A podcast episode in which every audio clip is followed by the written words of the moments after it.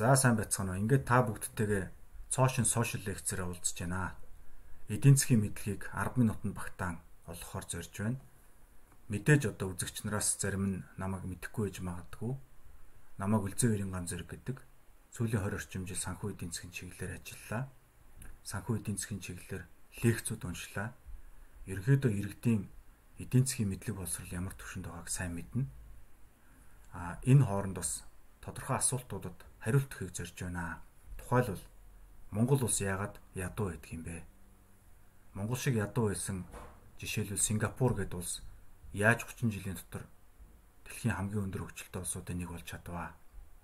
Бид ч гэсэн 90 онд чөлөө зах зээл дээр шилжсэн мөртлөө одоо 30 жил болох гэж байхад яагаад ядуу хിവэрэ байгаа юм бэ? Ер нь улс оронд одоо ирээдүйн ихтгэл найдвар байна уу? Яаж энэ улсыг хөгжүүлэх вэ гэдэг ийм асуултуудыг хариулна. За дээрэс нь эдийн засгийн гол суурь ойлголтууд болох баялаг гэж юу вэ? Баялагийг яаж бүтээдэг вэ? Баялагийг яаж хуваарлдаг юм бэ гэдэг одоо энэ чухал ойлголтуудыг бол бүхэлд нь хариулах юм аа. За ингээд надтай хамт байгаарай. Эхний лекц бол баялаг гэж юу вэ? Монгол улс цааш төгжих үү, уруудах уу? За баялаг гэхээр бид нар зам дэд утцыг төсөөлж болно. Улаанбаатар налах хоёрыг холбосон замыг харъя. Тэр зам дээр хичнээн олон хүн жилдээ одоо мөргөлдөж гимтэж нас бардаг бай. Аа тэгвэл Баян улс гэхээр яах нь хурдны замтай хоёр игнэн тустай зам нь гэрэлтүүлэхтэй 2 3 тус бүрний игнэтэй ийм зам төсөөлөгдөн. Тэр замаар бүр жижиг тосгон хүртэл холбогдсон байх жишээтэй. За мэдээж харилцаа холбоо цахилгааны холболтуудыг бид нар бас энэ баян ядуу гэдэг ойлголтод авч үзэж болно. За боловсролын систем байна. Баян улсын боловсролын систем сайн. Ядуу улсын боловсролын систем муу. Эрүүл мэндийн үйлчилгээ хийж болно. Монголчууд яагаад өнөөдөр одоо арай боломжтой нэг гадаад руу имчилгээнд явж байна вэ? Эрүүл мэндийн үйлчилгээ дотоод сайн байсан бол ингэж үлдэх үү? Яагаад эрүүл мэндийн үйлчилгээ манад муу вэ? Ядуу учраас уу? За ингээд эцэст нь амьдрах орчны асуудлыг ярьж үзэж болно а энэ утаа агаарын бохирдол, хөрсний бохирдол, хүнсний аюулгүй байдал энэ бүх одоо зүйл чинь ядуу улсын шинж тэмдэг үү, баян улсын шинж тэмдэг үү. Тэгэхээр энэ баялаг гэдэг ойлголтыг одоо саяны ойлголтуудаар төлөөлөлөө үзэх юм бол эдгээрийг бүгдийг нь мөнгөөр худалдаж авдаг зүйл байдаг. Замыг мөнгөөр өрнө цахилгааны шугамыг мөнгөөр тавина. Сайн боловсролын систем, сайн эрүүл мэндийн системийг мөнгөөр бий болгоно. За энэ одоо амьдрах орчныг мэдээж мөнгөөр сайжруулна. Тэгээ мөнгийг хэн хийдгийг? Мөнгийг төр зэсэг хийд юм уу? Энэ дэлхийд ер нь мөнгө ургуулдаг, үйлдвэрлэдэг төр зэсэг гэж бий юу? За ингээд энэ мөнгөний ойлголт, баялагын ойлголттой холбоод улсын эдийн засгийг авч үзье. Жишээлбэл Америкийн хөрөнгө оруулагч Монгол улсад ирлээ гэж бодъё тэр хүнд юу сонирн байх вэ? Төсөөлцгөө. Монгол улсын эдийн засаг нэгдүгээр тэр хүн хэр том бэ гэж асууна. Энэ манай газар нутгийн хэмжээг асууж байгаа зүйл биш. Манай эдийн засгийн хэмжээг асууж байгаа. За хоёрдугаар танаа улс хэр баян бэ гэж асуудаг. Энэ манай байгалийн баялагийг асуугаад байгаа юм биш. Энэ манай улсын дундаж иргэний худалдан авах чадварыг асууж байгаа. Тэгэхээр аливаа улсын эдийн засгийг бол хэр том бэ? Хэр баян бэ гэдэг хоёр хэмжигдэхүүнээр хэмждэг энэгээр улсуудыг хооронд нь харьцуулж хэр амжилттай одоо явж байгааг нь бол үздэг байна. За хэр том бэ гэдэг үзүүлэлтийг мэдээж одоо төлөөсөн статистик хэмжигдэхүүн байж таарна. Энийг бол дотоодын нийт бүтээгдэхүүн гэж ярьж байгаа. За хэр баян бэ гэдэг нь дахиад нөгөө дотоодын бүтээгдэхүүн. Гэхдээ энийг нийт хүн амынхаа тоонд хуваагаад нэг хүнд ноогдох дотоодын нийт бүтээгдэхүүн. За тэгэхээр аливаа хөрөнгө оруулагч бол шинээр өөр улсад хөрөнгө оруулалт хийхдээ улсынх нь эдийн засаг хэр том юм, хэр баян юм бэ гэдгийг харж сонголтоо хийн. А ингэхдээ дотоодынх нь нийт бүтээгдэхүүнийг гол хэмжигдэхүүн болгож авч үздэг байна. За энэ хэмжүүрээр бид нар дэлхийд 127 дугаар байранд томоороо явж байна. Манай дотоодын нийт бүтээгдэхүүн бол 127. Энэ бол маш жижиг улс гэсэн үг. За хэр баяна хэр баян бэ гэдэг одоо тэргээр бол 107 дугаар байранд явж байна. Энэ бол маш ядуу гэсэн үг ээ. Дандаа 100-аас хойш. Бид нар бол жижигхэн улс ядуу улс юм байна. Яагаад? За дотоодын нийт бүтээгдэхүүн гэж юу юм бэ гэд манай одоо сонсогч нар гайхсан баг. Энэ одоо яг ямар юуг хэлээд байгаа юм бэ? За энийг хэдүүлээ одоо авч үзье. Тэгэхээр компани гэдэг ойлголтыг мэдэхгүй хүн байхгүй. Компани гэхээр юу? Захирал байдаг, нябо байдаг, үйлдвэрийн байшин байдаг, агуулгах сав байдаг, ажилтнууд байдаг гэж та бүгд төсөлж байгаа. Тэгвэл энэ олон янзын компаниудад чи ерөөс яг гол зорилго нь юу юм бэ? Эдийн засагт. Тэгэхээр их амархан компани гэдэг бол бүтээгдэхүүн үйлдвэрлэж түүнийгээ зах зээл дээр борлуулах ажил хийдэг ийм л институт байгаа. Компани гэдэг бол яг нь эдийн засгийн гол суур институт. Үндсэн нь бүтээгдэхүүн үйлдвэрлэж борлуулах. За ингээд энэ одоо компанийн үйлдвэрлэж байгаа бүтээгдэхүүнүүдийг бүх компани бүтээгдэхүүнийг нэмээд хооронд нь нийлбэрийг нь гаргах дээр зэрэг дотоодын нийт бүтээгдэхүүн гарч ирж байгаа. Тэгэхээр түрүүн та бидний үзсэн улсын хэр баян бэ, хэр том бэ гэдгийг үздэг дотоодын нийт бүтээгдэхүүн гэдэг гол үзүүлэлтийг хэн гаргадаг байх нь? Компани гаргадаг байх нь. Төр гаргадаг байх нь? Үгүй байх нь. Энийг компани гаргадаг байх нэ. За ингээд улс оронд одоо үйл ажиллагаа явуулж байгаа Монгол улс бол 60 гаруй мянган компани гэж байгаа. Энэ 60 гаруй мянган компани чинь бүтээгдэхүүн бүгд өөр өөр төрлийн бүтээгдэхүүн үйлдвэрлээд тэр бүтээгдэхүүнийх нь үнийн дүнгийн нийлбэрийг нь дотоодын бүтээгдэхүүн гэж одоо Монгол улсын эдийн засгийн гол хэмжигдэхүүн болж гарч ирэх нэ. Тэгэхээр бид нар шууд утгаар нь энэ нийт компаниудын үйлдвэрлэж байгаа бүтээгдэхүүн бол Монгол улсын нийт баялаг юм а гэж шууд тодорхойлж болох юм. За энэ энэ бүтээгдэхүүнийг яагаад баялаг гэж хэлж байгаа вэхээр энэ бүтээгдэхүүний чинь цааш нь доллараар зарж байгаа юм. За тэр авчирсан доллараароо бид нар замаа барина. Нөгөө түрүүн баялагын үзүүлэлт гэдсэн нөгөө цахилгааны шугамаа татна.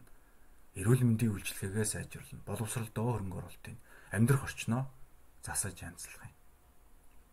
Тэгэхээр энэ улс орны эдийн засагт мөнгийг хэн бий болгодог вэхээр компани. А тэр мөнгө бий болгохын тулд компани яд вэхээр бүтээгдэхүүн үйлдвэрлэж зардаг байна. За өсчний газар компани мөн үү? Мөн. Яаж ин үс засж байгаа үйлчлэгээ маань тэдний бүтээгдэхүүн байх нь байна гэсэн үг.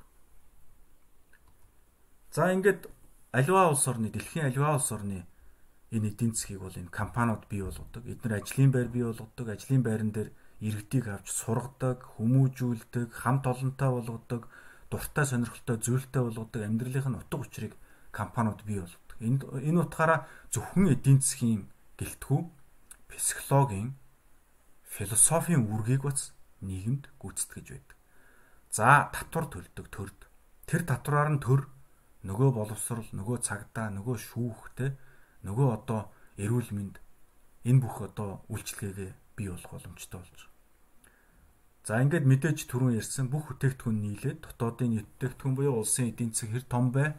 За нэг хүн ноогдох нь гаргаад ирэхээр хэр баян бэ гэдгийг одоо харуулж чаддаг. За ингээд эцэст нь өрсөлдөх чадвар. Одоо Хятад Америк хоёр бол компаниудаараа л өрсөлдөнө.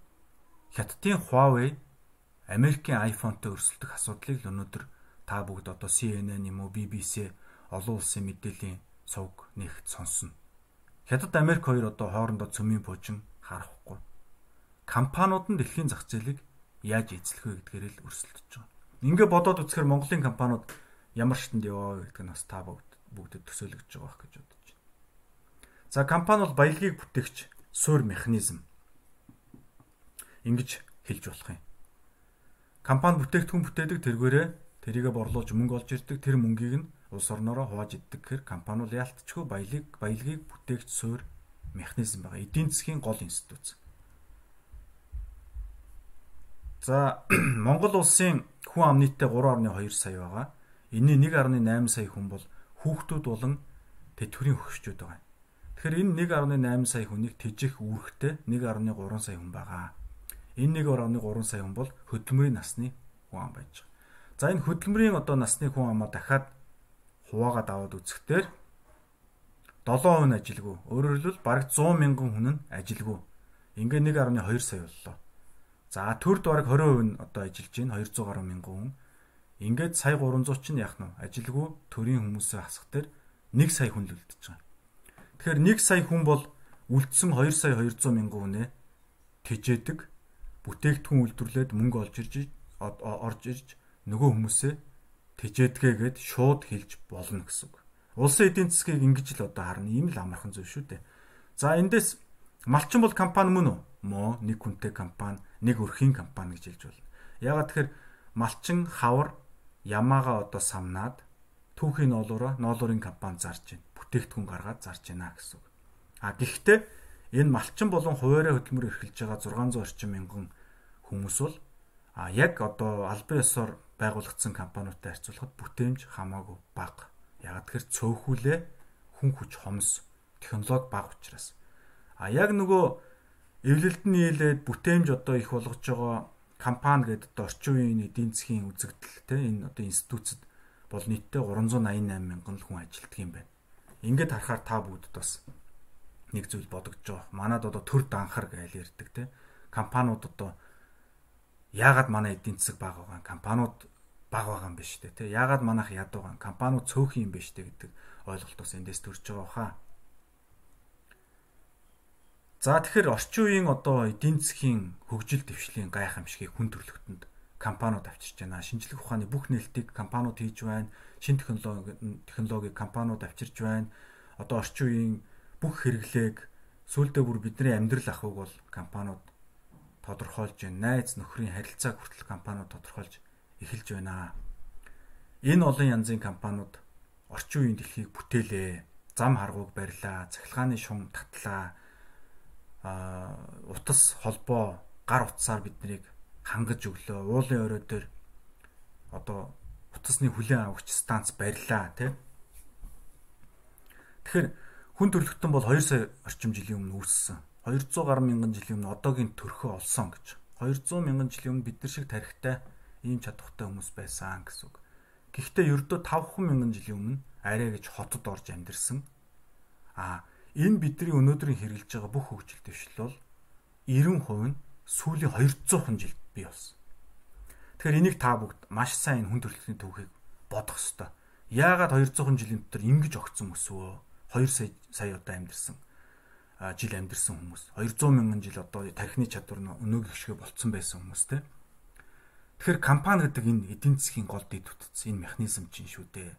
Баялагийг бүтээдэг энэ механизмыг бий болгосон учраас ажиллах хөрс бололцоог нь бүрдүүлсэн учраас ийм болсон.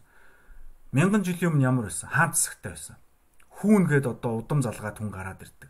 Бүх юмыг одоо төрийн чанд хяналтанд чөлөөтэй юм юу ч байхгүй. Бүх хүн боол зарцтай одоо хаанд үйлчлэх хэвээр ийм байсан. Ийм учраас компаниуд хөгжиж чадахгүй байсан. Ингээд Европын сэргэн мандалт гээд 1400 1500 оноос чөлөөт зах зээлийн тухай асуудал эрчимтэй яригдсан. 1600 оноос чөлөөт зах зээлийн анхны корпорациуд бий болсон. Ингээд ердөө сүүлийн 200 жилийн дотор ийм гайхамшигтай өөрчлөлтийг бид нар бий болгоцсон. Тэв хооронд онгоцоор ерөөсө 5 цагийн дотор нисээд очдог ийм л нөхцөл байдлыг бий болголоо. Орчин үеийн шинжлэх ухаан, эрүүл мэнд, технологийн бүх нээлтийг зөвхөн компаниуд хийж. Дэлхийг төр засаг авч явахаа болсон. Компаниуд авч явж байгаа. Тэгэхээр орчин үеийн дэлхийг компаниуд бүтээлээ. Харин бид нар өнөөдрийг хүртэл энийг ойлгохгүй компаниудаа одоо чөлөөтэй хөгжих болцоог ногт бүрдүүлэхгүй явсаар өнөөдрийг хүрлээ. Гэхдээ сошиал лекц ингээд дуусаагүй. Дахиад та бүгд үзэх хэд хэдэн лекц байгаа. Энэ лекцүүдийг бүгдийг үзсийн дараа та эдийн засгийн ухаан гэж юу гэдгийг бүрэн мэдэх мэдлэгтэй болно. Ингээд дараагийнхаа хичээлээр уулзъя. Баяр таа.